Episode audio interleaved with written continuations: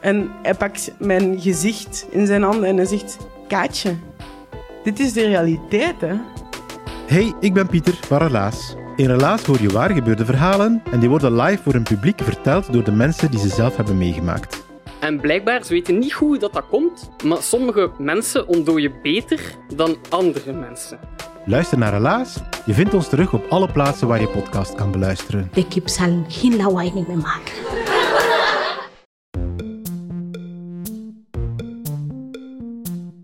Hallo daar, fijn dat je luistert naar Boeken FM, de literaire podcast van Dasmag en de Groene Amsterdammer. Wij nemen op in de studio van Dag en Nacht Media. Wil je nou nooit meer een aflevering van ons missen? Abonneer je dan nu in je eigen podcast-app en geef ons ook vooral een heleboel sterren en recensies. Dan zijn we ook zichtbaarder voor anderen die ons misschien willen luisteren. Heb je een vraag voor ons of ben je heel erg boos, vooral op Joost? Stuur dan een mail naar boekenfm.dasmag.nl. En we zijn tegenwoordig ook te vinden op Instagram, boekenfm.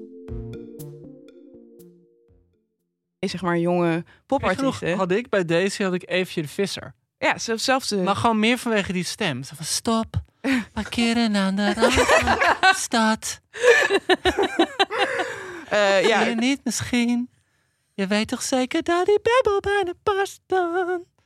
Zie je niet? Nou, gewoon dat. Hallo allemaal en welkom bij Boeken FM, de literaire podcast van de Groene Amsterdammer en uitgeverij Das Mag. We nemen vandaag op zoals altijd in de studio van Dag en Nacht Media. En ik ben hier met Joost, Merel en Evan. Welkom jongens. Hoi. Hoi, hoi. Hoi, hoi. Gezellig, Charlotte. Nou jongens, we gaan ons eraan wagen, hè? Een van de toppers uit de wereldliteratuur. Dit is, dit is inderdaad wel zo'n boek dat ongeveer waar ter wereld je ook een top 100 ziet met beste boeken ooit geschreven. Deze zit erin. altijd wel top 10, top 20 eventueel. Ja. Ik wou dat we een live show waren, zodat het nu nog gegokt kon worden. Maar dat is natuurlijk niet Dat zo. nu het staat er gewoon, gewoon eh, boven de aflevering. Ja, Ja, het is. precies, precies, ja. precies. Dus jullie weten al, lieve luisteraars, dat we het gaan hebben over The Great Gatsby. Den grote Gatsby. Maar wij gaan ons ook afvragen, is die Gatsby eigenlijk wel so, So great? En hoort hij nog wel thuis in de hogere echelons der wereldtop 10's? Daarover gaan we het eens even hebben. Maar allereerst, wat is dit voor boek? Wie gaat hem samenvatten? Wie voelt zich... Jullie kijken naar mij, zal ik hem samenvatten? Ja. Top. Het boek speelt zich af precies 100 jaar geleden, in de zomer van 1922. En daarin wordt geschreven trouwens in het begin van het boek... de zomer van 1922 zou de mooiste zomer aller zomers worden. En toen ik dit las, ik heb hem onlangs herlezen... en toen heb ik hem meteen voorgelegd aan jullie. Want ik dacht, nou ja, de zomer van 2022 gaat de mooiste van de zomers worden. Want ja, corona is eh, verleden tijd en er is geen derde wereldoorlog. Drie weken later, Joost, ga verder. Ehm, 1922, de Eerste Wereldoorlog is net, trekt net een beetje uit het zicht. En in een klein huisje, eh, iets buiten New York, komt Nick Carraway te wonen. Nick Carraway komt uit het eh, oosten van de VS, of nou, het westen van de VS, Ja. Midwest komt. Ja. En die eh, betrekt een klein huisje eh, bij Long Island in de schaduw van een enorm huis. Een enorm prachtig, poenerig paleis. Waarvan hij niet helemaal weet wie er nou woont. Er zijn allemaal feesten en mensen komen af en aan Het in is auto's. Elke avond boekenbal Elke avond is het boekenbal. Elke avond is Jongen, het raak. jongen, Eh, eh, Go-go dansers. Snuiven van de balustrade. Champagne taarten. Tepelkwastjes. Tepelkwastjes, the works. En eh, hij denkt, goh, wat, wat voor mysterieuze man gaat daar achter gaan. En één keer ziet hij ook iemand staan op, eh, op een piertje dat daar in het water staat. En die man staat, ziet een, een stille gestalte en die staart naar de overkant van het water waar een groen lichtje brandt. En dan... Maar hij weet wat er aan die Nick Carraway, eh, de hoofdpersoon, de verteller, die weet wat er aan die andere kant is van dat van de baai. Dat is namelijk, hij woont zeg maar in de, het gedeelte van de baai, Green Egg, eh, West Egg, West Egg. West Egg. Eh, waar Green Egg is zo'n ding, toch? Dat je in je tuin het is hebt. een barbecue. Ja, ja, ja. Nee, hij woont in West Egg, de plek West van het nieuwe geld. Ja, en dat is het nieuwe geld. En aan de andere kant, waar de bijna uitkijkt, is uiteraard East Egg. Het oude En geld. daar woont het oude geld. Wat, wat voor werk doet Nick eigenlijk? Hij is stockbroker. Dus, hij hij, is makelaar in, in effecten en aandelen. Ah, in de jaren twintig in Amerika. Nou, daar kan niks misgaan. nee, Ga je door. weet, dat ging allemaal prima. Up, Zijn nichtje up. is dus getrouwd met een... Ja, en aan de overkant woont zijn nichtje Daisy Buchanan. En die is getrouwd met Tom Buchanan. Nou, Daisy in een buitengewoon memorabele zin uit het boek. Misschien wel de bekendste zin. Hij zegt van, op een gegeven moment vraagt hij, wat is het nou met Daisy? En dan zegt Gatsby, ik loop op de zaak vooruit. She has a voice full of money. Dus gewoon alleen al hoe ze praat, klinkt al door hoe rijk en geprivilegeerd. En bijna zo geprivilegeerd dat ze ook iets geks wereldvreemd heeft. En zij is met Tom. Nick kent Tom nog van zijn studie. Was een man op Princeton. En eh, over, over Tom zegt Nick, he has a cruel body. Gewoon alles aan die man is dominant. Dus het is een polo-speler. Hij rijdt op paarden. Hij is kolossaal gespierd. Uh, hij heeft een dikke snor. Hij is een en soort uitgesproken racist. het is een, Ja. eh, letterlijk een racist. Wat ik een geweldige scène vind in het boek. eh, redelijk vroeg, dan komt hij op een etentje. En dan begint hij van... hey, heb je dat boek gelezen van Godard? Die heeft een geweldig interessante theorie. Dat toch eh, het, eh, ja, de, de witte rassen worden be- be- benadrukt voor- door de zwarte rassen. We moeten van ons af... Benaderd of eh, benadeeld. Benadeeld. En eh, we moeten voor onze beschaving opkomen. En waardoor je ook weet van het is niet alleen een racist. Het is ook een boor. Weet je, het is echt zo'n man die op een feestje een saai verhaal tegen je begint. In de veronderstelling dat het zelf heel erg intelligent is. En hij is een notoire rokkenjager. Ja, en dat, dat vind ik een van de verbluffende scènes. Dan eh, komt hij bij, bij, op dat etentje eh, met, met zijn nichtje Daisy, die, die, waar hij heel erg gecharmeerd van is. En Daisy heeft een interessante vriendin, Jordan Baker, een vrouwelijke golfster. En eh, dan zegt Nick of zegt Tom volgens, hey kom, laten we naar de stad gaan. En moet ik zelf zeggen, al zou ik zeg maar een oude vriendin van mijn vriendin over de vloer krijgen, dan zou ik niet zeggen, hey kom, we gaan lekker naar de hoeren. Eh, want dan voel je toch een beetje ongemakkelijk. Maar Tom heeft niet zo'n prudentie. Dus die neemt, die gaat hem mee, die neemt Tom eigenlijk mee, of die neemt, Tom neemt Nick mee naar, met zijn minnares, Myrtle Ja. die halen ze op.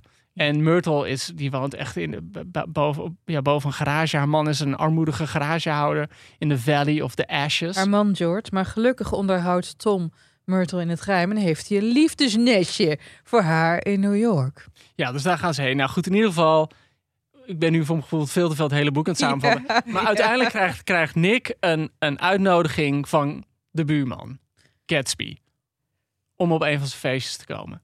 En zo komt hij met Gatsby in contact. En Gatsby zegt al heel snel, eh, wil je iets voor me doen?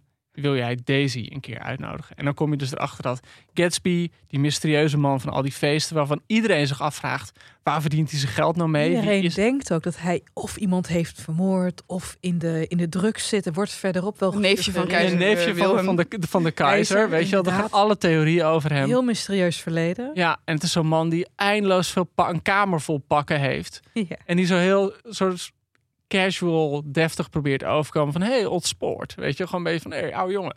Ja, hij heeft zich een soort eh, oud geld lingo aangeleerd. Terwijl hij gewoon eh, nieuw geld Ja, het zelf mede is. Inderdaad. En eh, mensen denken ook van, het is een bootlegger.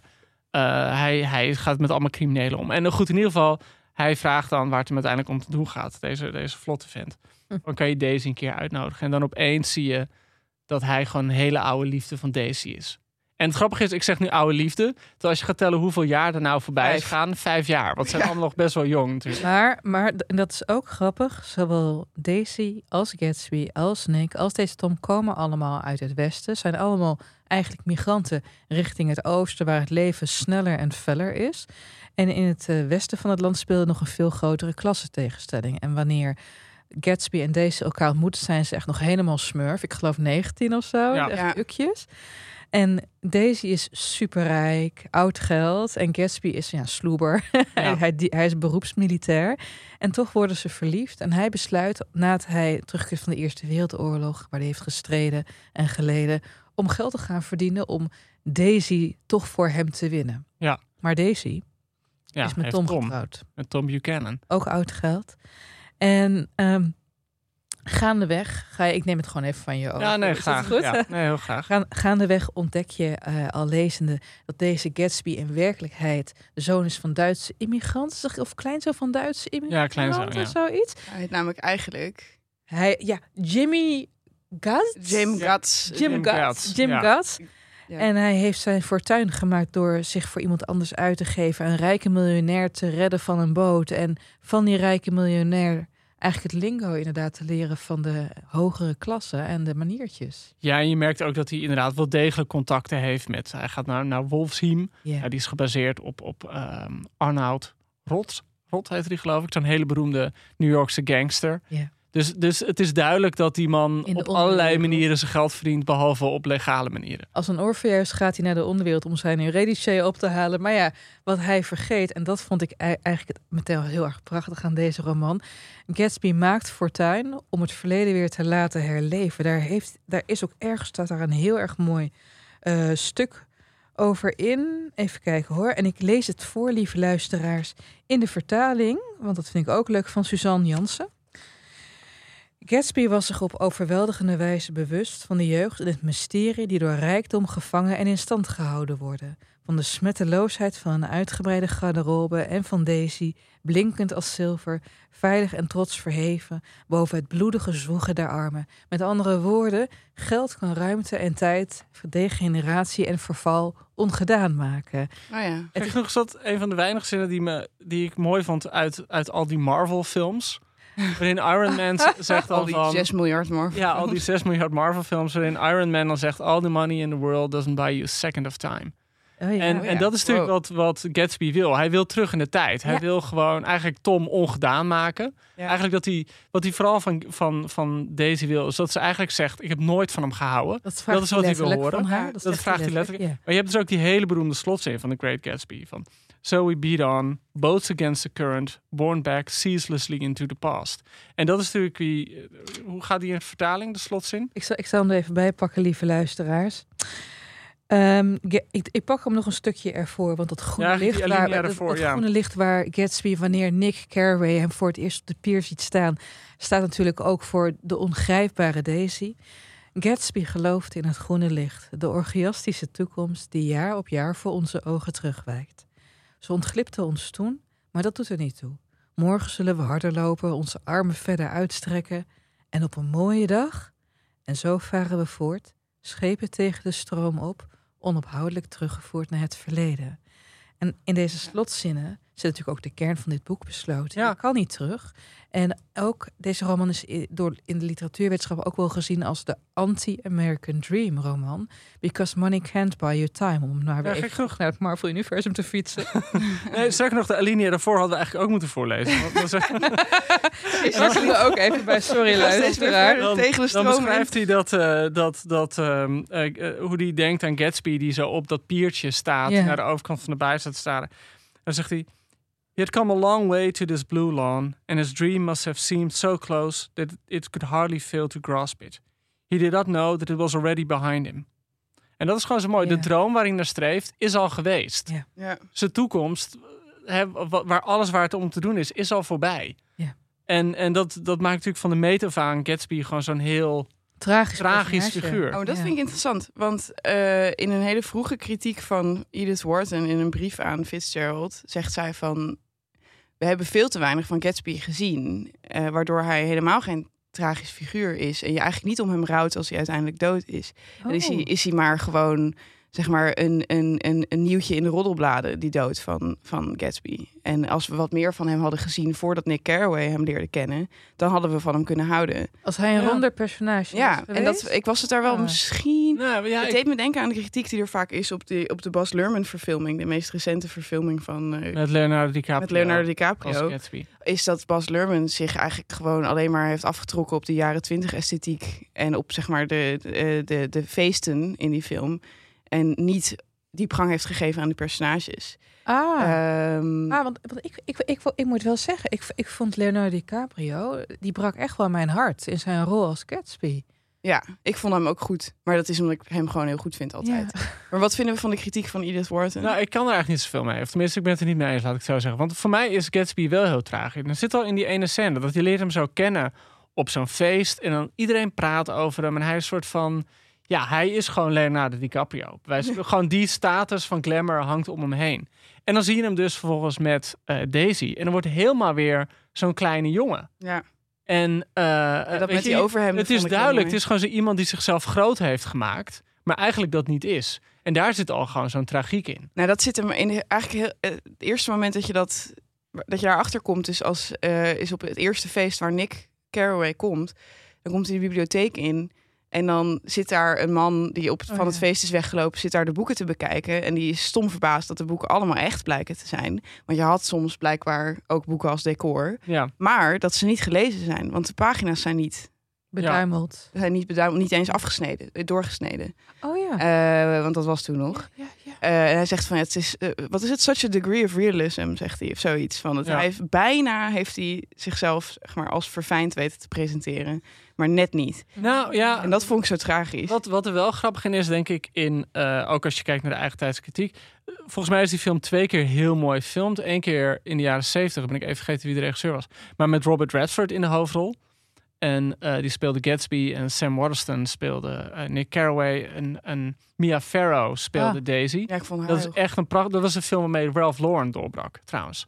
Ralph? Lauren, de ontwerper, heeft alle kostuums ontworpen voor die film. Oh, ik dacht dat hij meespeelde. Nee, nee, nee. Fun fact, fun fact. Party time. Party time. En ehm, ehm, dat ziet er geweldig uit. Veel mooier dan die van, van vind ik, dan die van ehm Baz Luhrmann, die echt alleen maar hysterisch is. En wat heel raar is in die film van Bas Luhrmann, is dat Bas Luhrmann de copyrights niet kreeg. Dus er zitten allemaal voice-overs. En dat zijn dus verbasteringen van de, zin, de zinnen van het boek, wat heel nep is. Ja. Ja, dus die, die zin Het zijn van- geen echte zinnen. Nee, het zijn niet de echte zinnen. Het Dus hij heeft zijn eigen varianten van gemaakt. Nee. Maar En zit als je dat- in I Hope She'll Be a Fool, a Beautiful Little Fool? Ja, nee, het zit wel een paar van dat. zijn- Maar bijvoorbeeld die, die slotzin van So we beat on boats against the currents, born back ceaselessly in the past. Daar maakt hij dan zoiets van We are ceaselessly into the past, born back like boats. in the hele- Maar wat, wat wel belangrijk is, denk ik, die films die zijn super glamorous. En die denk je van wauw, wat, wat prachtig. In die tijd werd het helemaal niet zo gezien. Want Gatsby was juist, zeg maar, zoals wij naar Trump kijken. Gewoon juist heel rijk, Ja. maar geen smaak. Ja, Dus hij beschrijft ook die kleren van, van Gatsby is iemand die een zilveren stropdas draagt. op, met En een gouden pak. Ja. En met een gouden pakje. Hij ziet er gewoon uit als een soort van, als een clown. ja. En in die tijd was hij dus helemaal niet chic. En zo, zo werd ook wel, dat boek was een enorm succes toen het uitkwam hoor, daar niet van. Nou, maar niet, maar het was meteen, een- toch? Een commerciële... ja, com- commercieel zelfs. Maar critici ja. vonden echt... eh, Critici zeiden ook van... Ja, dit gaat gewoon... Kijk, het is een beetje vergelijkbaar alsof wij nu een boek zouden schrijven over de Kardashians. Dan zouden wij Ja, allemaal ja. zeggen... Ja, oké, het is misschien mooi geschreven. Maar ja, het gaat over de Kardashians. Over de tragiek van Kylie En dan over honderd jaar later kijk je terug op die periode. En denk je, oh, de Kardashians. Nou, dat, dat zei echt veel over die tijd. Oh, op dat moment vonden mensen het heel ordinair, die Gatsby. Ja, en het, en het verouderde ook best wel snel. Kijk, Want binnen een jaar was er volgens mij ook een Broadway-show. eh, Ja. Want het is in, volgens mij in 1925, klopt dat jongens, uitgegeven. En zelfs ja, een Broadway-show over verschenen. En een stomme film. En een stomme film. Ja, er is een paar stomme films ervan waar die. Zelda heeft beschreven als afschuwelijk. Dat ze zeg maar weg zijn gelopen uit. Zelda de echtgenote van de. Ja, moet, moet ik heel kort iets vertellen over... Nou, maar, maar, maar ik pak hem heel eventjes Ja, terug om, dit, eh, om deze trope af te maken. Die, en ik ben nu, omdat ik zo dement ben, alweer kwijt waar we het over hadden. Nee, Over ja, ik, het- nee, ik weet alweer. of niet. Omdat, Of het al om- snel omdat in die- het kwam dus halverwege de jaren 20 uit. Maar ja, goed, eind jaren 20 ging het helemaal mis op de beurzen. Jaren 30 recessie, jaren 40 ja, was iets met Duitsland toen. En pas in de jaren 50 ging het weer lekker met deze roman. En toen pas werd het echt erkend. Maar wat ik in de biografie heb gelezen, dat Scott Fitzgerald bij leven nooit echt die literaire erkenning heeft gehad. Wel beroemdheid en beruchtheid, want hij ook deel uitmaakte van die party squad daar.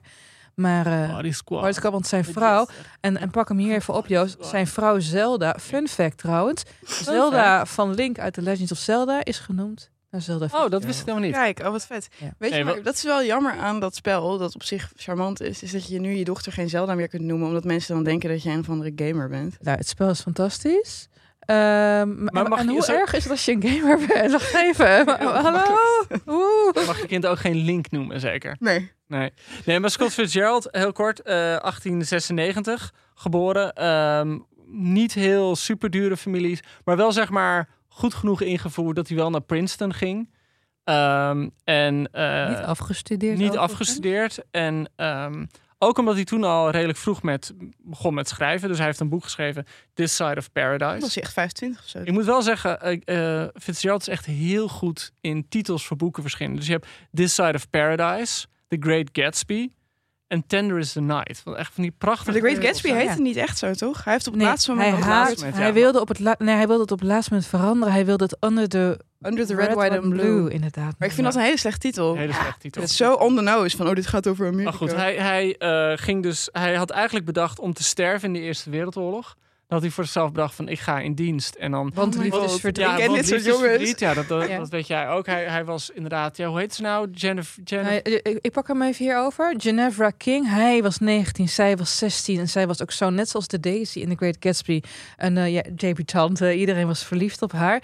En zij hadden echt een soort verlammende crush op elkaar. En zij date nog wel met 15.000 andere mannen. Dat een soort Gijs... eh, wat wat, wat, wat eh, hoe heet hij nou ook weer? Gijs van Dijk van de PvdA was. Was uh, Ginevra In het, uh, in het zuiden van Amerika in die periode. En hij heeft dus ook... Hij heeft zich inderdaad ook aangemeld in het leger om te gaan sterven in Europa. Hij kon het gewoon niet aan. En Hij was wel zo, zo ijdel dat voordat hij in dienst ging, uh, hij eerst nog een roman schreef van 120.000 woorden. Zo van, als ik dan sterf, dan wordt dit postuum uitgegeven. Laat ik het na. En volgens werd dat boek geweigerd. Heel pijnlijk. En hij stierf ook niet. Hij is volgens mij ook helemaal niet aan het front geweest. Maar Hij moest hij gewoon afwassen. laat. Hij moest gewoon afwassen. Maar goed, hij, en, en toen na de oorlog uh, trouwde hij inderdaad met Zelda Zij, Zijer. Zijn, Zij was echt zo'n Southern Belle, toch? En zij was zo'n Southern Belle. En zij was ook zo'n society-figuur. En via haar kwam hij ook zo helemaal ja, de society van New York in. En toen schreef hij dus in 1920 publiceerde hij de uh, This Side of Paradise. En in 1920, want was, 1920. toen was hij dus echt 23. Ja, Ja, toen was, oké. hij, ja, was hij 24. En dat ging heel erg over zijn tijd op Princeton. Oh ja. Eh, heb ik gelezen ooit. En ook weer echt totaal vergeten waar het over ging. Maar uh, toen publiceerde hij ook nog The Beautiful and the Damned in 22. Ook echt zo'n zo'n jazz-aids boek. Uh, ook zo'n enorme verkoopsucces. Geweldig titel. En van dat geld leefde hij dus deels met Zelda in, uh, in New York. En deels zat hij in Parijs. En daar maakte hij deel uit van The Lost Generation, zoals dat werd genoemd. Met, met Hemingway Ja. als een van de bekendste andere figuren. En dat waren zo'n heel groep, vooral Amerikaanse schrijvers, die allemaal soort van, ja, nou ja, verloren, zoals de term ging, uit de Eerste Wereldoorlog waren gekomen. Alle ambities en idealen waren weggedreven door al het mensen verlies van mensenlevens dat ze hadden gezien. En daar hoorde hij gewoon bij en, en daar ging hij mee. En hoewel hij echt een heel stuk rijker was dan heel veel van die andere schrijvers, hij zat ook heel veel in de Riviera met Zelda. En met Zelda ging het helemaal niet goed. Die had mentaal uh, heel veel dingen een Schizofrenie heeft ze later als diagnose gehad. aantal keer opgenomen. Waarom staan zij zo bekend als een power duo? Omdat ze, omdat ze glamorous waren. En Ja. ze verschenen, vooral toen ze nog in New York waren, in al die bulletins van oh la la la, wie, wie was weer een shitface op dit feest. En dat was dan Zelda Fitzgerald. Ja, maar zij staat toch ook bekend als echt een soort van intelligente vrouw Ja, die hyper te vroeger had? Intelligent. Hyper En, intelligent. en, maar inderdaad, echt van die celebrities ook. Dus Ja. iedereen kende ze. Nou, en het- kort samengevat over dat Kourtney Kardashian en Scott Disick. Zo moet je het dan zien, denk ik. En eh, toen over dat huwelijk en hoe dat misging, schreef hij Ten Rivers a Night in 1934. Echt een heel mooi boek is. Dat door de critici helemaal in de pan werd gehakt. Ook wel echt omdat hij gewoon te beroemd was. Oh, het is een afrekening. Ja, op de, de- de- dat was de Hemingway's theorie was het altijd. Van, dat was eigenlijk iemand die... ja, zijn boeken werden meer besproken op basis van wat er in de kranten over hem stond. En welk feestje was geweest dan dat het boek echt als literair werk werd gelezen. En toen precies wat jij net al zei.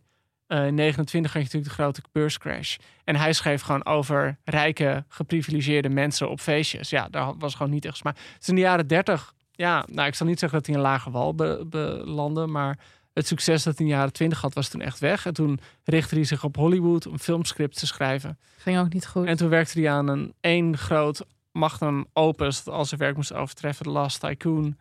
Maar toen tijdens een vergadering eh, kreeg hij een hartaanval, viel hij dood neer op zijn 44 44ste. ja, na jong, jaren, jaren van ook probleem drinken, althans met, met- van geen problemen drinken hebben en daardoor een probleem leven. Kennen jullie, kennen jullie dat? Ja, het punt is natuurlijk, iedereen heeft zijn eigen algoritme. Dus ik weet niet wat jullie te zien krijgen op Insta. Maar ik krijg altijd zo'n filmpje van die mensen die aan het dansen zijn. Kennen jullie dat filmpje? Zo'n hele groep mensen. Ja, ik ben shit. Dat is altijd. Is het één specifiek filmpje? Er is één specifiek filmpje van een hele groep mensen in een soort van jaren twintig kleding die aan het dansen zijn. En die doen zo'n speciaal dansje. Ja. Zegt jullie dit? Jullie kijken me echt allemaal aan. Ik- heel wanhopig. ik begin nu te zweten. ik krijg alleen maar Oké. zuurdesem. Ja, maar er zit gewoon. Mochten jullie dat filmpje. Avia's. Ja. Oké, nou laat maar. Maar in ieder geval in dat filmpje ja. zit één jongen die danst helemaal vooraan die groep. En die lijkt Ja. echt als twee druppels water. Dus Op? mochten jullie luisteraars wie? op, Fitzgerald. Oh, Oh, oké, einde van dit Cliffhanger. een puntje van Ja. ik probeer gewoon het onderwerp weer af te ronden. Omdat ik zie jullie maar alleen maar aankijken van... eh, maar, maar, maar, maar hij is dus jong gestorven. Ja. Heeft niet de lof ontvangen, wel de cashings, maar niet de Ja. lof tijdens zijn leven die hem waarschijnlijk wel waren toegekomen.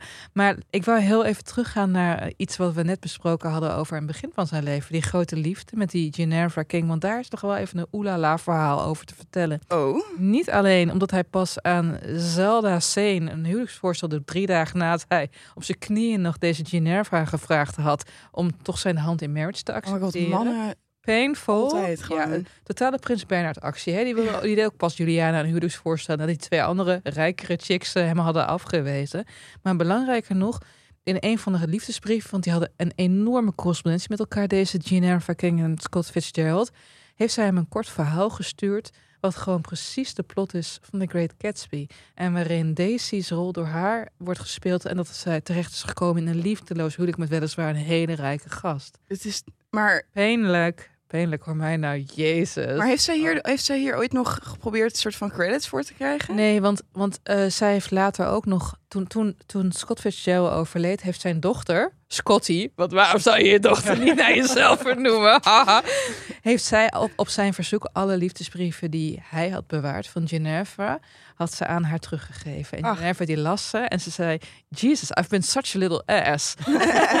en ik denk dat ze het misschien daarom ook heeft laten zitten. Ja, maar dat is toch bizar. Stel je voor dat je zeg maar per ongeluk een van de grootste literaire werken in Ja, geschiedenis hebt hè? geïnspireerd. Ja, ja, maar, ja, maar goed, weet je, het- ik, ik heb die brief, ik heb dat verhaal zelf niet gelezen, moet ik eer- eerlijk bij zeggen. Maar ja, hij is wel een fenomenaal schrijver. Dus misschien dat je in dat plotelementen gemeen hebt, maar de manier Ja. waarop het wordt. En ook de, kijk, de hogere gedachte. Dit boek is de anti-American dream. Nogmaals, je kan geen tijd kopen. Je kan niet het verleden restaureren met miljarden. Eh, ik weet niet of dat. Nee, nou, en- Nee, dat manier, het, natuurlijk, het is natuurlijk wel, het wordt ook gezien als een van de Great American Novels. Omdat het natuurlijk wel gaan we weer. die thematiek helemaal behandelt van jezelf proberen op te trekken. En van jezelf iets anders maken dan je bent. En, en ja, Fitzgerald heeft natuurlijk een hele mooie manier gevonden om te laten zien hoe dat de hele tijd mislukt. Ja. We En, hadden hier een vraag over, toch Merel? oh, Merel is er Ja. ook trouwens. Merel! Hallo. Ja, we hadden hier inderdaad eh, een vraag over. En die ehm, eigenlijk twee vragen in één. Een soort suggestie voor ons. Ehm, vraag van Bobby. Oh. Om verwarring en onzekerheid daarover te voorkomen. Bobby is een vrouw. Hi Bobby. Eh, hoi, Het is wel grappig dat we blijkbaar zo vaak mensen hebben gemisgenderd in de podcast. Dat het nu gewoon in een mails wordt Ik vermeld. vind dat Ja. heel leuk als vrouwen Bobby heet. Ik ook. Afro Romein heeft een heel leuk liedje genaamd Bobby. En het gaat ook over een meisje die met je wil spelen en leuke dingen wil doen. De Oh. dochter van Arie Boomsma heet ook zo. Oké, Ah, Arie. Het hondje van Kuifje heet ook zo. Bobby. Oké. Eh, Ik bedoel Merel. Daar gaan we. Bedankt voor het maken van Boeken FM. Ik luister heel graag naar jullie podcast, vooral in de auto, omdat het dan net voelt alsof ik met een groepje vrienden over boeken zit te kletsen. En aangezien ik niet veel vrienden heb die net zoveel lezen als ik, is dat voor mij anders schier onmogelijk. Bobby. Ik heb een vraag. Of misschien is het eigenlijk een verkapte suggestie. Laatst las ik Max, Misha en het TED-offensief van Johan Harstad. En ik was daar behoorlijk van onder de indruk. Ik ben heel benieuwd wat jullie ervan vinden slash vonden. Zie je, hier zit dus de verkapte suggestie. Want eigenlijk wil ik hier gewoon een podcastaflevering over. Puntje, puntje, puntje. Maar mijn echte vraag is eigenlijk als volgt. Kan de nieuwe Great American Novel ook geschreven worden door een niet-Amerikaan? Is het dan nog wel een Great American Novel? En zo ja, is Max, Misha en het TED-offensief dan een kanshebber op deze kwalificatie? Alvast bedankt en tot een volgende autodate. Liefs, Bobby. Hey, lieve Bobby. Nou weet je, we hadden het van tevoren even over jouw vraag. En het is vaak zo met deze podcastreeks dat eh, wij allemaal een boek hebben gelezen en Merel niet. Maar in dit geval was het andersom. Merel is de enige van ons vier die Max, Misha en Ted Offensief heeft gelezen. Wat, wat vond jij Ja. ervan? Ehm, nou, ik, was, ik ben heel groot fan van Harstad. Ik ook. En Bus Eh, Aldrin, waar ben je gebleven? ja, en ook zijn, boek. zijn, eh, zijn korte verhalen. Die bundel eh, ambulance heet die, Die moet ik volgens nog mij. lezen. Ja, dat is mooi ook. Ehm, dus ik had echt een grote verwachting van Max en Misha. Maar ik vond eigenlijk dat... Ik heb hem twee jaar... Of nee, vier jaar geleden is hij uitgekomen, volgens mij 2018. Dat er eigenlijk gewoon heel veel uitgekund had worden geschrapt. Genadeloos, Ehm, Merel. Ja, genadeloos. Eh, dus ik, eh, ja, ik had, maar ik had ook hele, hele hoge verwachtingen. Dus daar had het misschien Ja. ook mee te maken. Oké. Dus voor mij eh, niet, zijn, niet zijn favoriete boek. Oké, nou Bobby, ik, ik kijk even naar de andere hier. Ik zie niet... eh, Ja, Je stuit er niet van enthousiasme Nou, om dit wat- boek te gaan nee, ik ook niet. Maar wat, wat ik wel denk om op je vraag terug te komen, Bobby.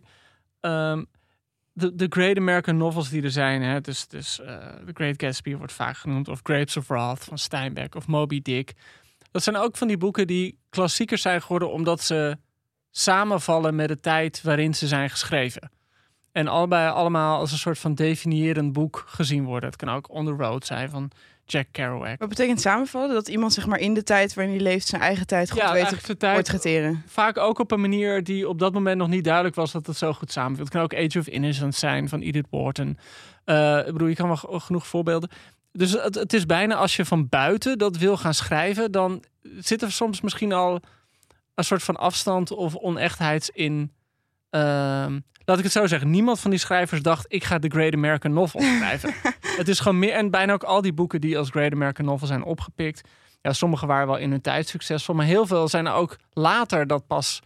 Die hebben later pas het etiket gekregen, omdat je soms twintig jaar later pas weet wat een bepaald tijdperk waard was. Oh ja. Nou ja, en dat is ook een van de redenen dat de boeken die achteraf geroemd werden als de grote boeken over zekere tijdvlakken, standaard 30 jaar na het tijdvlak zijn verschenen. Oorlog en Vrede van Tolstoy, dat wordt echt geroemd als de roman over de Russisch-Franse oorlog met Napoleons inval in Rusland. 30 jaar na dato, Slaughterhouse 5, ook een flink aantal jaar na de Tweede Wereldoorlog. Catch 22, ook volgens mij 10 jaar na de Eerste Ja, wel langer, Wereldoorlog. Ja. Maar dit niet dus, Gatsby. Ja, maar oh, ja, dat, dat is natuurlijk Nou, het is zo. met, met Gatsby is denk ik wat ook deels de waarde gehad. Jij maakte de opmerking in het begin ook een beetje. Het is ook dat je weet, en dat weet Gatsby, of dat weet Fitzgerald niet, dat het dansen op de vulkaan is. Want de waarde van, van eh, The Great Gatsby is dat hij ook zo'n beschaving beschrijft. Waar iedereen koopt aandelen, iedereen is aan het feesten, iedereen groeit, iedereen wordt rijk. En, we, en, en Fitzgerald en de personages weten niet dat de grote depressie eraan komt. Maar is het niet... Die weten niet dat, dat wat ze aan het opbouwen zijn een zeebel is en gaat barsten. Het lijkt, hij lijkt het wel te weten, misschien met de kennis van nu. Maar door bijvoorbeeld die soort van eh, eh, smerige, armoedige onderzijde daarvan de hele tijd wel te laten zien. Met die, eh, dat, hoe heet dat? The Valley of the Ashes. The Valley Ja. of the Ashes. Ja, precies. Waarin dat, is- gewoon... dat ligt tussen de stad en East Egg in. Ja, Ja, een dus dan van- rijden mensen van de stad met, de- vanuit hun zeg maar eh, eh, eh, appartementjes rijden ze dan naar West Egg. Wat, Ja, inderdaad. Dus door een feesten. gebied heen waar een soort van vuilnis wordt verbrand. ja. Kilometers lang. Maar, maar, maar ik pak hem heel even terug, jongens. Want we zitten officieel nog Bobby's vraag te beantwoorden. Oh. We zijn nu alweer terug naar deze roman. Dus als ik jullie goed begrijp en als ik het goed samenvat. Het kan soms gebeuren dat iets achteraf wel de Great American Novel blijkt te zijn. Maar op dat moment zelf niet geïntendeerd was als de Great American Novel. Klopt dat? ja, dat denk ik. Dat- dat ja. goed samen? Ja. En, eh, maar, en even de andere vraag nog van Bobby: van, kan het dan door een buitenlandse auteur worden geschreven? Want er zijn namelijk mensen die bijvoorbeeld vinden dan On Earth We're Briefly Gorgeous van Ocean Vuong. eh, en door een Vietnamees-Amerikaanse auteur vorm van eh, Great American Novel. Maar is Ocean Vuong niet ook gewoon Amerikaans? Nou ja, hij, hij, is, hij is dubbel cultureel. Dus Ja. ja. Ja, maar goed, Amerikanen ja, zijn dat doorgaans, toch? Ja, kijk, het, dat, dat zijn denk ik Amerikanen. Amerika is natuurlijk bij uitstek een land van, van migranten en immigranten en, en vluchtelingen. En hè, ik bedoel, het is echt een totale meltingpot. Dat is het altijd geweest. Dus op een bepaalde manier klopt dat ook. En eh, kijk, Amerika heeft natuurlijk de American Dream is gewoon zo'n thema van je begint met iets en je wordt je begint met niets en je wordt iets groots. En dat is natuurlijk juist een migrantenverhaal. Ja. Ja, en een migrantenmythe. Dus ja, een migrantenmythe. Dat vind ik trouwens wel mooi gezegd net, jongens. Dat, dat inderdaad, omdat in deze roman The Great Gatsby dan alles stuk gaat, weet je wel, het met terugwerkende kracht relevant blijkt te zijn voor. Er wordt een tijdperk beschreven en een teleurgang van, een, van, de, van, van de kleine man in dat tijdperk. Terwijl paar jaar later dit tijdperk aan zichzelf ten onder Ja. is gegaan. Door al het investeren, door het eindeloze geloof in dat het beter en harder gaat. ja, maar Ja. ik vind het echt moeilijk te geloven dat, dat Fitzgerald niet dat al aan het voor- voor- voorspellen was hierin. Ja, ik, Ja, denk, nou ik ja. denk dat hij het ook wel moet hebben geweten. Net zoals dat je nu ook al mensen hebt, of nu al, ja, en met Joris Luijendijk, toen hij nog eh, niet gecanceld was, wat hij ook zegt in dat boek van hem, dit kan niet waar zijn. Dat je denkt, ja, dit moet toch gaan crashen. Ja, nee, tuurlijk. kan niet anders. Dat, dat, ik Het is bedoel, allemaal bluff. Fitzgerald, en niet alleen dit boek, een ander boek. Hij beschrijft ook zo'n soort van hysterie, cultureel en financieel. En waarvan je weet, dit kan niet volgehouden worden. Nee. Wat ik altijd wel goed vind om erbij te zeggen. En waar ik elke keer weer perplex van ben, als je bedenkt hoe rijk dit boek is. het is maar 170 pagina's. Minder dan 50.000 woorden. Minder dan, ja, veel minder dan 5000 woorden inderdaad. En eh, bedoel, er zijn dus, je hebt eigenlijk, hey, je hebt dus eh, Tom en Daisy, je hebt Nick, je hebt Gatsby, je hebt Jordan Baker. En ja, en dan zeker zin Myrtle nog. Ja. Dat zijn allemaal voor mij eh, totaal zichtbare, echte personages die allemaal hun eigen tragiek hebben en hun eigen tegenstrijdigheden. En eh, allemaal kan je ze ook, je kan ze ook allemaal ergens, als je zou willen, op de sociologische ladder plaatsen. Ja. Het is helemaal duidelijk hoe ze zich verhouden ten opzichte van elkaar. Oké, en dan, maar, maar bij deze eh, rond ik even de vraag van Bobby af, jongens. Ja. Want Oh, anders, ja, eh, sorry, Bobby we- wil... eh, Ehm, want, want ik wou het met jullie ook nog hebben over iets anders. Want we hebben het nu heel erg over de thematiek, eh, over de achtergrondverhalen, de personages. Maar op een gegeven moment gebeurt er iets bijzonder noodlottigs in de roman. En daar wil ik eigenlijk met jullie ook even over praten. Wat wij daarvan vinden. Want ja, we gaan hem even spoilen, lieve luisteraar. Maar Je hebt 100 jaar gehad. Waarschijnlijk heb je ja. ook je mondelingen erover gedaan. Dus wat maakt het uit? Een gegeven moment heeft deze Tom dus inderdaad een eh, minnares, Myrtle, die uit het Ash District komt, waar Joost zo even al over had. En ehm, er komt een moment waarop die hele situatie explodeert tussen zowel Nick, Gatsby, Tom en Daisy. Gatsby die zegt, zijn ze in New York in een enorme, slecht geventileerde kamer van ja, in de. Hou van mij, Daisy. Zeg tegen Tom dat het allemaal een leugen was. En Daisy van, nou ja, ik vond Tom toch soms wel aardig tegen mij of zo, ik weet niet. En weet je wel, en Gatsby ape shit. En Tom, haha, Gatsby met een kneus. En dan gaan ze met z'n allen in auto's naar huis rijden. En dat is Ja. belangrijk, want op een gegeven moment in een van de twee auto's zitten Gatsby en eh, Daisy. En Daisy zit achter het stuur. En wie ramt zij en schept zij? Net zoals, eh, hebben jullie nog die beelden gezien van de Apple Store? Hoe die eh Ja. Ja, die zo. gijzelnemer, nou, Ja. ongeveer dat gebeurt er met Myrtle. Haar Bam. is er af. Ja, haar, haar- ja, haar, Ja, bob, is eraf, haar bob ja. is er afgescheurd. Ja. Ja. En eh, Daisy en Gatsby, die doen eh, wat elke stijlvolle persoon in die jaren zou doen. Namelijk gewoon elkaar doorrijden naar het ongeluk. En dan wordt alles, ja, krijgt een twist. Tom, Buchanan, dus de echtgenoot van Daisy, die komt er achteraan. Die ziet dat het gebeurt. Dus die ziet zijn minnares helemaal ja, aan flarden en ontborst op de grond liggen. En hij, ja, kut, balen en zo. en eh, Ja, hij, is begint niet ook- heel rauwig om. ook. Nee, nee, nee, nee, te grote lul. Doofpot. doofpot, doofpot. En hij begint ook een beetje de schuld al te... ver- Ja, hoe ging dat ook weer, jongens? Hij geeft de schuld ook al meteen een beetje aan Gatsby. Nou, wat je eigenlijk, eigenlijk wordt het Ja, omgekeerd verteld. Dat je denkt dat Gatsby het, het is. Ja. En dan later komt Nick erachter dat Gatsby niet achter het stuur zat met Daisy. Maar Gatsby neemt dus, als, als de heer die die eh, eh, wil zijn, de schuld op zich. En dat vertelt Tom dan aan de weduwnaar, de echtgenoot van eh, Myrtle. Ja, en die natuurlijk wit heet is. En hij denkt, ja, ik ga deze gast vermoorden. Dus uiteindelijk wordt Gatsby doodgeschoten gevonden. In zijn eigen In zijn zwembad. En die man iets verderop ernaast. Heeft zichzelf doodgeschoten. Dus het is een einde aan dromen. Het Ja. is het, eh, het, he- het opzij schuiven van verantwoordelijkheid uit een soort oude ridderlijke code, wat opmerkelijk is. Hè? Want juist die hele, dat hele oude geld uit het zuiden ging er altijd heel erg prat op dat Op zij eer, ja. op eer. En, en dan als het erop Ja. aankomt, heeft Ja. Gatsby dan meer eer dan Tom. Exactly. Dat, en dat is ook wat je zo mooi ziet in Gone with the Wind. Op een gegeven moment dan zegt Margaret Mitchell dat al die zuidelijke heren en slavenarbeid of slaveneigenaars, die trekken ten strijd en met hen verdwijnt de laatste chivalry Ja. in het zuiden van de Amerikaanse staten. Ah ja. We het even over Nick hebben. Want we, we hadden al die slotzin gelezen, maar de beginzin is net zo beroemd. Denk Oh ik. ja, geweldig. Ja, ja. In my younger and more vulnerable years, my father gave me some advice that I've been turning over in my head ever since.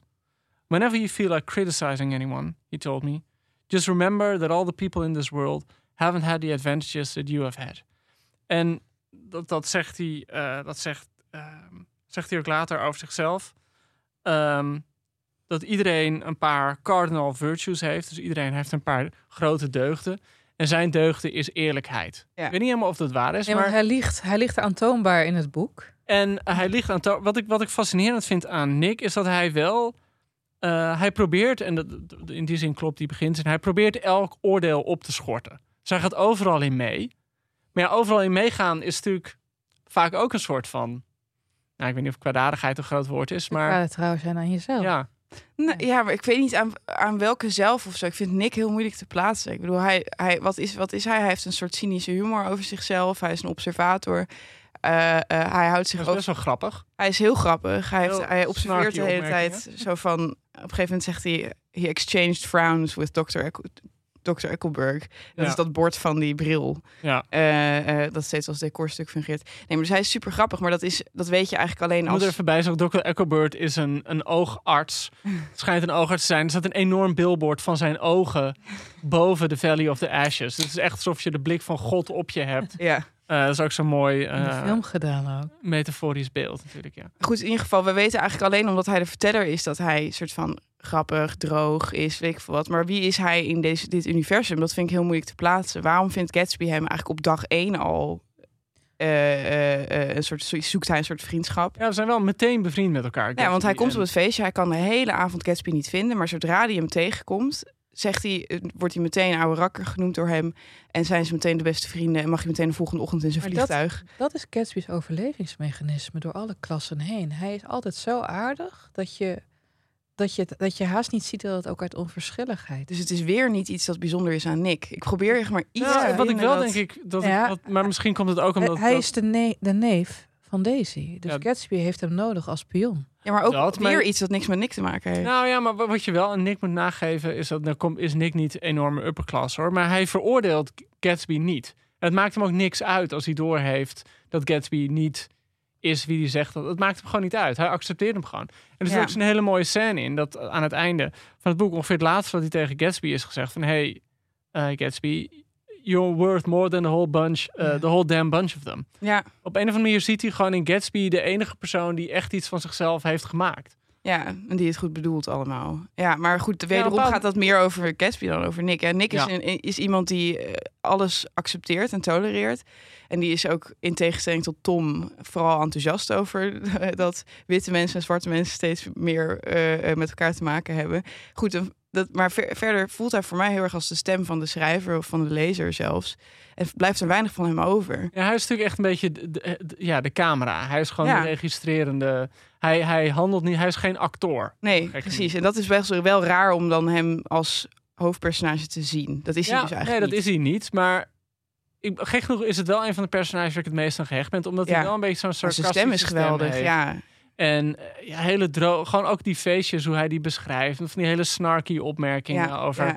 alle hysterische eh, mannen en vrouwen die daar bezig zijn. En misschien een fundamentele vraag is dan van... is het belangrijk dat je hoofdpersoon ook echt dingen wil, doet, onderneemt? Nou, het gekke is, wat, wat ik, er zijn best wel een hoop vervolgboeken opgeschreven. Dus mensen, andere schrijvers die dan, een paar jaar geleden is nog een boek verschenen over Tom Buchanan. Echt? Gewoon echt dat Tom, dit is dan gebeurd en dan gaat Tom, die gaat eh, naar. Venezuela om zijn geld te verdienen in de Ah. olie.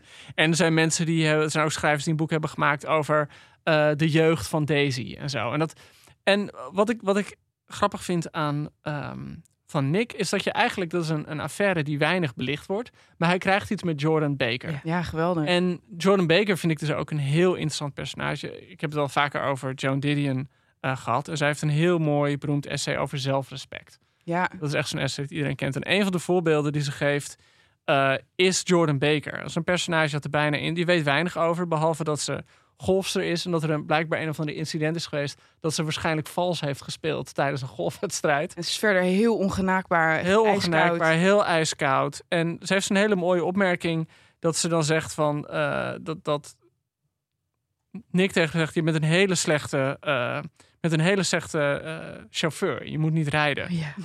En dan zegt ze, ehm, zegt ze nou ja, dat is eigenlijk het probleem van andere mensen. Zegt hij zo van it takes two to make an accident. En voor, voor, voor Baker of voor, voor Didion is dat zo het ultieme voorbeeld van iemand met zelfrespect. Dat je gewoon zegt dat je eigenlijk je fouten accepteert en je Oh ja. tekortkomingen omarmt als gewoon ja, dit is gewoon wie ik ben. En dat straalt die Jordan helemaal uit. ja. Je Eh, zou bijna nog een roman kunnen voorstellen, maar die, die is er volgens mij niet. Over gewoon die affaire van Nick. ik was heel rauwig dat we dat gewoon niet... Want hij, hij zit er... Hij, het commentaar dat hij levert op zijn eigen gevoelsleven... is ook heel onderkoeld. Want hij vertelt over, over zijn nichtje... kan hij gewoon in met heel veel bloemrijke taal... kan Ja. hij haar Ja. interne leven Ja. beschrijven. Maar als hij zelf een arm om Jordan heen slaat... en dan haar kust, Ja, dan niks. We weten alleen dat dat gebeurt. Maar Ja. dat, dat, dat vind ik ook wel veel zeggen. Want hij is heel goed in het beschrijven van het geïdealiseerde leven van anderen. Het leven dat je zo nooit zelf zou beleven. En hij wordt gewoon bondig en haast afstandelijk wanneer het zijn eigen gevoelsleven betreft. Ja, maar hij vindt dat is ik als je dat op zeg maar gunstig interpreteert, is hij er gewoon niet in geïnteresseerd, want hij is hij is gewoon niet obsessief met zijn eigen emoties bezig. Maar als je het ongunstig interpreteert, Dan is het een, een non-personage. En, En is het, en is het van- jammer. Ja. van de schrijver zelf. ja. Oké. Nou ja, ik weet niet of het kort schiet. Ik bedoel, de focus van de schrijver is gewoon Gatsby. Ja. En, en, en Daisy. En dat zijn zulke sterren. ja, Daar moet je gewoon een grijs figuur naast zetten, denk dat is ik. waar. Het is misschien net zoals met grijs, hij is kuifje eigenlijk. Met de Secret History, jongens. Ja, nee, Ja, dat gek genoeg. Dan dat- heb je ook die, die Richard Paper, boring en de rest klaar. Ja, gek genoeg, Ja. maar eh, dat vind ik altijd Heel vergelijkbaar. fascinerende van dat Richard eigenlijk ook wel stoer is. En je hoort eh, in, in de Secret History, ja, sorry hoor, side, side note, maar. Richard, dan hoor je ook al dat hij op feestjes kook staat te doen en hij is met die naar bed geweest, hij is met die naar bed geweest. Ja. Maar dat laat hij gewoon allemaal buiten het verhaal. Wie is Richard ook al? Richard Papen, dat is de verteller van Secret eh, de. Secret History. Oh, de hoofdpersoon. Ja, Ja, nou, de hoofdpersoon, Maar je hij is de verteller. Verteller, ja. Ja. hij voelt inderdaad. niet aan als de hoofdpersoon, omdat dat groepje elitaire Alles studenten overkomt hem, gewoon, ja. Ja, Maar maar ik- ja, ik snap hem nu. Als ik ja. het nu dan weer opnieuw gunstig interpreteer, dan is het eigenlijk het chicste wat je kunt doen, is geen zelf-obsessed hoofdpersonage neerzetten. Want dan ben je als Ja. schrijver ook afstand van je eigen emoties aan het nemen. Dan gaat je memoir. Ja, dat kan je ja, kan ik zeg. nu al opgeven. Hey, zullen wij deze, weet je wat ik een leuk idee vind? Wat jullie ook een leuk idee vinden, weet ik. Zullen wij deze roman, die natuurlijk wel vaak verfilmd is, fankasten met een Nederlandse fankast? Oké, Nederlanders. Zullen we eens Ehm. even beginnen? Met, met welk personage beginnen wij? Daisy. Daisy. Ik zou zeggen, eh, en maar dat, dat denk ik vooral, Daisy heeft een soort diepgang en oppervlakkigheid tegelijkertijd. En dan moet je heel sterk allebei op het podium kunnen brengen. En ik ben laatst ben ik naar een fantastische voorstelling Tip Tip Emma Watson de Play geweest Oh ja. met eh Caro Derks. En ik zou Caro Derks, eh hoi Caro, mocht je luisteren, zou ik heel leuk vinden om haar Daisy Buchanan te laten spelen. Ik denk dat ze dat fantastisch kan. Ik had eh, eh, eh, Daisy en, en Jordan zou, zou ik willen casten. Eh, Door dezelfde persoon. nou, nee, maar wel een duo. Oké. Vrouwtje en Stien. Nee, Oh, die kennen grappig. jullie wel. En, ja, en wie... En wie en- nee, maar ik, ik ken ze wel. Maar, maar wie, wie- wie- dus vrouwtje zou Daisy spelen. Maar Wie zijn jongens, wie zijn vrouwtjes? Oké, het zijn jonge popartiesten. Deze- Stien die vertegenwoordigt ons. Oh, dus- Stien. Songfestival. Oh, ja, maar ik, Stien is toch geen deel van het duo? Nee, maar ze hebben wel vandaag een album gedropt. Eh Oh. eh, eh, Vrouwtje heeft vandaag een album gedropt. eh, waar eh Stien een feature op heeft. Dus ik dacht ineens van, oh, dit zijn onze twee, zeg maar, jonge popartiesten. had ik bij deze had ik Eefje de Visser. Ja, ze- hetzelfde. Maar gewoon meer vanwege die stem. Zo van, stop, parkeren aan de rand stad. Eh, Ja. ja, Je niet misschien. Je weet toch zeker dat die babbel bijna past dan. Zie je niet? Nou, gewoon dat. Waar is mijn downer? we hebben dit niet gewoon een heel die uur. Voice full of money, dat, Ja. dat had ik gewoon, moest ik heel erg aan haar Ik denken. snap wel wat je bedoelt. Maar ik had dat dus bij Vrouwtje, want die heeft ook een bijzon- hele bijzondere stem. maar jij heeft jongens. een diepe stem. En dat, Ja. is een hele, en dat wordt de hele tijd beschreven dat ze een hele soort van zwoele eh, eh, bedroom voice heeft. Eh Ja. ehm, ja, Vrouwtje is dus oud genoeg om dat over te zeggen. Ja. Ehm, Ik moet wel zeggen trouwens dat in de Bas Luhrmann versie Elizabeth Debicki, die eh Ja, ja, daar ja. Jordan speelt, met die, weet je wel, met die Ja, die ijsschotkille ogen en die schoonheid en dat atletische lijf. Fantastisch hoor. heel goed gecast. hey, jongens, wie zouden wij als Tom We Buchanan? weten zijn. Oh jawel, het was even. Laat maar. Tom. Ja, Tom. Tom vind ik toch heel moeilijk om niet aan Wopke Hoekstra te denken. Oh. Nee, Dat was een grote Ja. gast die het gewoon even aan je gaat uitleggen. daar is Wopke veel te lekker voor. Ja, dat ben ik. Ja, nou ja, ja. nee, maar Tom is ook lekker, toch? En Is dat zo? ja, we worden, want hij, hij kan al. Het is een paard van een man. Ja, dat is een paard van een is man. toch geen Wopke is paard? Veel te veel zelf, is meer zelfvertrouwen dan... Ja. Wopke Dan is een soort is. hazenwindhond. Dat is geen paard. Tom is toch een soort van brede gast. Ja, dat is. Dat is ja, ik dacht eerst misschien Johnny de Mol vanwege het oude geld, maar ik vind Johnny de Mol echt Is heel aardig, erg onaantrekkelijk. Als ik aan Johnny de Mol denk, dan kom ik het dichtst bij een besnijdenis dat ik ooit ben geweest. Oh. Eh, maar is Johnny de Mol ook niet te aardig? Want Tom moet natuurlijk ook echt zo'n... Ja, moet Ja, wel- hij, gewoon Ja. zo- zoals... Ja, Een rood aangelopen een- een- bruut. Ja, gewoon zo'n rood. Gewoon zo'n man die eigenlijk de hele tijd op het punt staat te schreeuwen. Ja, maar die ken ik niet. Zeg maar in de Nederlandse film scene. Ja, ik, volgens mij je hebt meer een beetje het type zoals je wel van die misdaadverslaggevers hebt. Weet je, dat zijn allemaal van die trasten die een beetje Een zo, nekloze zo, ja, nekloze figuren inderdaad. Ja, zo, zo zie ik me voor me. Ja. Dus ja, ik dacht, ik dacht Nou, Wopke op zich wel een goeie. Ja. Oké. Ehm, even kijken, jongens. Nick? Nou ja, da- daar heb ik misschien wel eentje voor. Maarten Heijmans. Ja, die is te charismatisch. Ja, dat denk ik ook. Dat is eerder nee, die is niet zo charismatisch. Die is vooral schattig toch, jongens? Ja, ik zat ook in de schattige hoek te zoeken. Ja, dus ik had, ik had eh, zo. Matthijs van de Sander Bakhuizen had ik. Oké. oké. Ja, maar die is denk ik ook te, te aanwezig. Te aanwezig. Geen genoeg wie ik in mijn hoofd had, maar eh, die is veel te oud. Maar dat is Aus Grijdanus junior. Wie?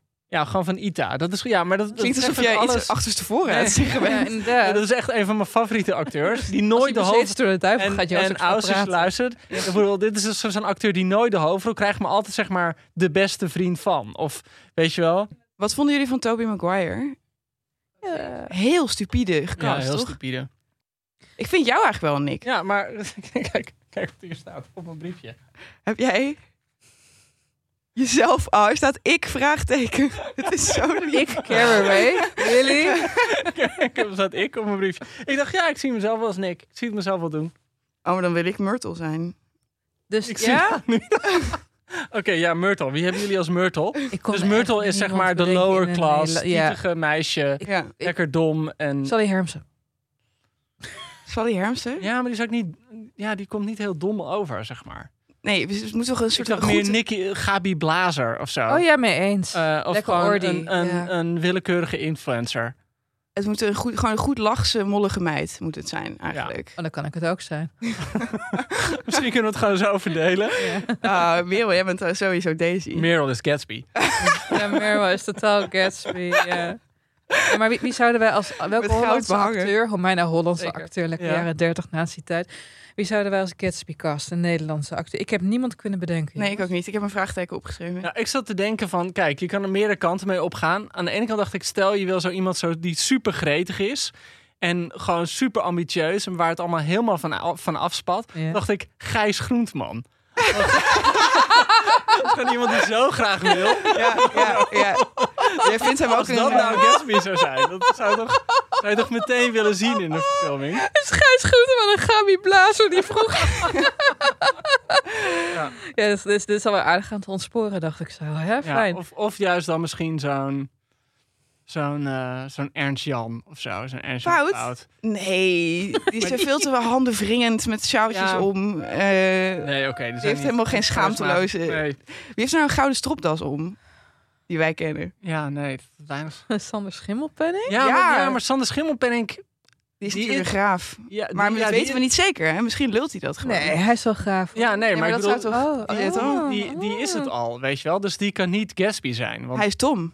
Nee, hij is Nee, hij was niet, ook niet hij is, dom, want hij is, hij is gewoon Twentenaar. Hij 1,20 kan meter. helemaal niet dom. Hij is super Ja. slim. Ja, ja, ja. Dus nee, nee. Gatsby is wel... Nou, eh luisteraar, Oh, ja, nou, ja, jullie maar dan zou ik eerder nog Jaap Reesema als Gatsby, weet je wel? Met die lieve, heerlijk met die, gewoon. met Oh, die andere. Waarom- sorry. Waarom google jij, Merel? Merel googelt nu Wierduk. Gewoon, waarom in godsnaam zit je tijdens de opnames Ja, omdat ik moest... Nou, ik heb Wierduk te googelen? a- a- afgelopen twee dagen geleden een documentaire gekeken over cancelen eh, van eh Doortje Door Door Smithuizen. En toen... Ook eh, overal is. Dat is pas eh, Daisy. Oh, dat Oh ja, dat is een Daisy. Voor de goede verstaander, inderdaad. Ja, ja is dat totale Daisy. Ja. Ja. En toen dacht ik heel even, zou Wierduk niet een, eh, een Gatsby kunnen zijn? En toen ging ik hem even Wat? googelen. Maar Dat is eh, de minst. ja, Want nee. Gatsby is een soort innemend iemand met een heel open gezicht. En, Dat was Ja, trouwens precies. echt wel scheef daten, jongens. Weird Duk, die getrouwd was met Fidelne Oh, Ekus. Ja. Weet je, was een soort, een soort, een soort ork met een godin. Ja, nou, die er helemaal kinderen niks van. Dat wist ik helemaal niet. Ja, bizar hè? Maar goed. Oké, nou, eh, dat allemaal terzijde. En eh, dan hebben we Jordan nog. Ja. Hanna Hoekstra. Oh. Sowieso Hanna Hoekstra. Hanna Hoekstra. Ja. Ja, I guess. Ja. ja maar heb jij niet in Elke fancast Martens als Ja, ik heb Jordan. wel in elke fancast Hanna Hoekstra. Ja. Hanna Hoekstra tevoorschijn gewoon gehaald? in mijn voorstelling. Maar jongens, maar jongens, geen Lieke Martens, want die kan ook fantastisch woedend kijken, sportief. Lieke Ja. Martens, die Ja, voetbalster. Voor Barcelona, ja. Ja, vind ik wel grappig bedacht. Baby. Het is toch veel te zonnig? Jordan Baker is een soort van... is echt een soort Ja, ijskoningin. ijskoningin. Ja. Ja. Kan dan ook weer niemand bedenken. Ik moet aan. Tante Sidonia denken de hele tijd. Omdat ze als zeg maar zo mager wordt Of beschreven. Lieke Marsman als Jordan. Ja, Lieke Marsman als Ja. Jordan. Die heeft ook van het flapperhaar. Ja. Oh ja, we kunnen nog even over de aesthetic eh, eh, praten van de jaren twintig. Wat mij is opgevallen is dat we daar de laatste tien jaar heel erg mee bezig zijn geweest. Of zo. Jullie ook Oh ja. opgevallen? Ja, maar je hebt natuurlijk ook die eh, Peaky Blinders. Wat ook ja, Peaky 20 Blinders. is. En we hadden dat Ja, Midnight in Paris. Downton Abbey. Downton Abbey. Ja, waar komt onze fascinatie met die tijd vandaan? Is onze esthetische fascinatie dan? Want Ah, toch, ah, daar gaat het vooral om. Ja, ja, ja. Nou, kijk, vanuit het mannelijk perspectief is het wel makkelijk, omdat dat gewoon wel echt zo'n fase was waarin mannen lekker mannen waren. Met, met stevig gesneden pakken. En, Maar dat was toch in de jaren 50 ook nog zo? Ja, misschien net iets minder of zo. En, Mad Men gaat daarover. Ja, maar ik, ik weet niet. Het, het is ook denk ik een soort van gekke nostalgie, gek terugverlangen naar zo'n schaamteloze klassenmaatschappij. Wat niemand letterlijk terug naar zou willen, maar wat iedereen wel heel lekker vindt om Nou, naar te kijken. nou ja, dat die is, een, champagne eh, is in die laatste speeches een aardige poging aan het doen, geloof nee, dus ik. die gaat terug naar de jaren 30, eh, naar de grote zuiveringen van Stalin. Ah, ik vind het best wel een hot take. Want ik denk dus eigenlijk van... als we ons verlekkeren aan zo'n Bas Luhrmann film... dan is dat eigenlijk omdat we wouden dat je nog zo onbeschaamd rijk mocht zijn. Ja, maar het is ook volgens mij voor mijn gevoel waarom mensen Downton Abbey zo prachtig vinden. Ik bedoel, dat is echt gewoon zo'n totaal pleidooi van... oh, iedereen wist sociaal zijn plek. En eh, de maatschappij, rijke mensen waren rijk en wijs... en arme mensen waren lekker dienstbaar. Met toch de suggestie van sociale mobilisatie, wat een aantal personages in Downton Abbey Beweegt een beetje. Ja, ja, weet je wel, en- maar wel binnen zijn eigen grenzen. Ja, dat is het heel erg. Ja. Ja. Hey, ik heb het idee dat we deze pony doodgemapt hebben. Moeten we niet eens een cijfer gaan geven aan eh, Gatsby? Gatsby is nooit dood. Ja, behalve aan het einde aan van het het einde, ja.